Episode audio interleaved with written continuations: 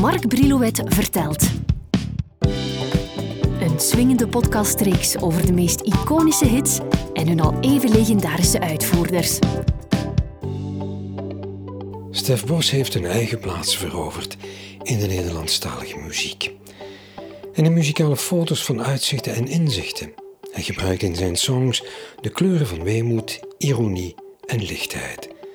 Hij zoekt op de grens van de poëzie naar een schijnbare eenvoud. Met deze tekst heet zijn redactie ons welkom op zijn website. Zijn biografie begint daar heel sumier met In de beginnen was er het cabaret. En vervolgens in vogelvlucht zijn jeugd en zijn studiejaren. Voor ons een aanleiding om Stef tussen zijn vele optredens door aan de tand te voelen. Stef voor een interview strikken is makkelijker gezegd dan gedaan, want die man heeft geen zittend gat, is druk bezet en niet altijd juist te lokaliseren. In een interview met Libel zei hij daar in 2004 het volgende over. Ik weet zelf niet meer waar ik het meest thuis ben. Het is voor mij qua gevoel hetzelfde. Als ik in het vliegtuig richting Zuid-Afrika zit, is het alsof ik naar Groningen rij. Bos werd de 12 juli 1961 in Veenendaal geboren, een gemeente in de Nederlandse provincie Utrecht, in een gezellige omgeving, zijn prilste biotoop. Mijn vader was juwelier. Die uh, is een oorlogskind, of tenminste opgegroeid in de oorlog, geboren in 1923. Ehm, wat hem ook getekend heeft, zo, want die, uh, die moest onderduiken in de oorlog. En die kon eigenlijk hetgene wat hij verschrikkelijk graag wilde doen, omdat net zijn humaniora werd op dat moment afgebroken omdat hij moest onderduiken, omdat hij anders naar Duitsland toe moest. Werd op dat moment een beetje bepaald. Hij had eigenlijk het liefst theologie willen studeren. En, uh, maar hij is uiteindelijk in, in, via, via mijn grootvader, opa Bos, die, dat was een textielvertegenwoordiger. Dus die ging het hele land rond, van noord naar zuid. Ongelooflijk charmante man. Ik heb, ik heb die verschrikkelijk graag gehad, die mens. En die heeft me ook heel veel verhalen verteld. Ook nog van. Die was, werd geboren in 1887 of zoiets. Kende mijn grootmoeder al toen hij 12 was. En um, uh, was een fabrieksarbeider. Dus die gasten gingen met elf, zo'n beetje Daans verhaal. Hè? Die gingen met elf de fabriek in. Die ontsnapte daaruit. Die werd vertegenwoordiger en ze, die kwam een beetje in, in in die métier terecht waar mijn vader ook in kwam. Maar mijn vader werkte denk ik eerst in een, uh, in een kledingbedrijf in Zwolle in, in Nederland.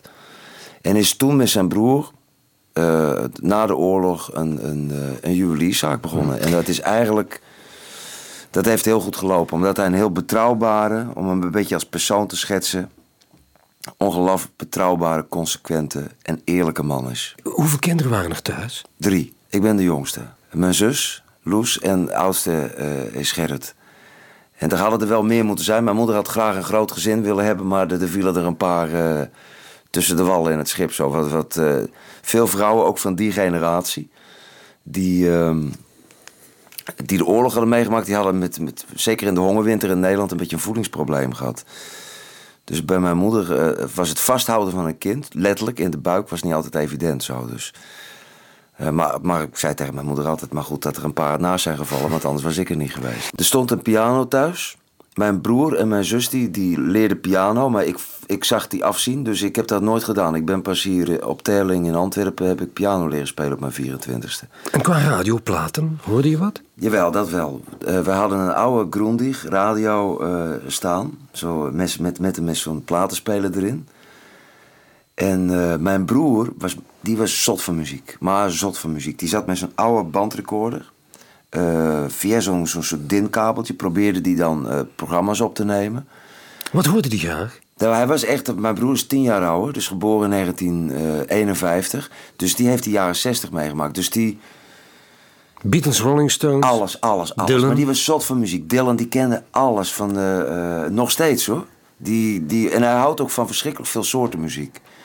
Uh, en mijn, mijn, ouders draaiden klassieke muziek. Dus uh, Catherine Ferrier, wat ik eigenlijk toen vond ik dat een beetje zagerig zo. Nu vind ik dat fenomenaal. Prachtige zangeres. Uh, dus wij hadden thuis bij ons, mijn broer die was helemaal bezig met, met van Johnny Holiday ook. Ik zat dan als klein manneke zo Puma la Via Commencé, zo, maar ik wist niet wat het over ging, zo mee te brullen.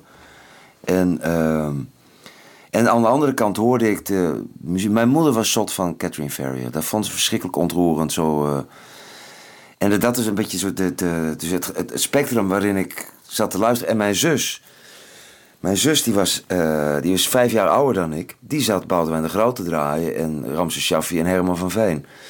Dus dat was het spectrum. Mijn broer die draaide niet zoveel Nederlands. En mijn ouders was klassiek. En ik zat eigenlijk alleen maar naar sprookjesplaten te luisteren van uh, Repelsteeltje en zo. Maar dat was al het geluid wat binnenkwam. Plus het geluid van klokken. Want ik hoorde overal, bij ons, wij woonden achter de zaak.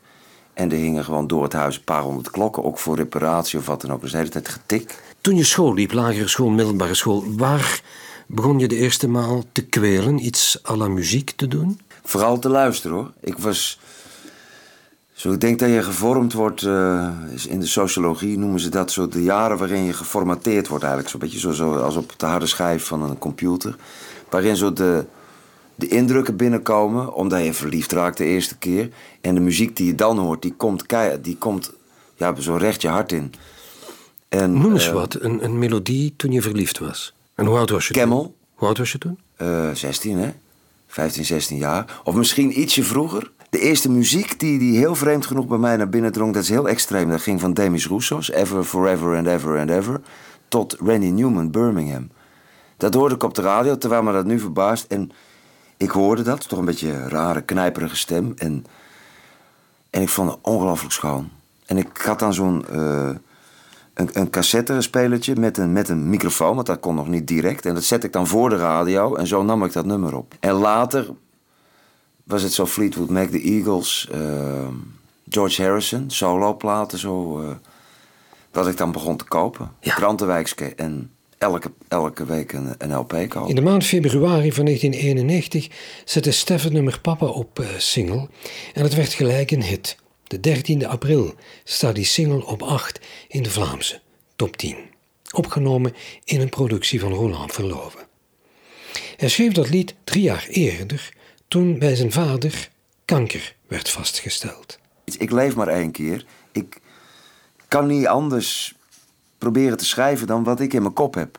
Ik ben niet een liedjeschrijver in de zin van een liedjesmid. Zo weet je, iemand die je neer kan zetten van...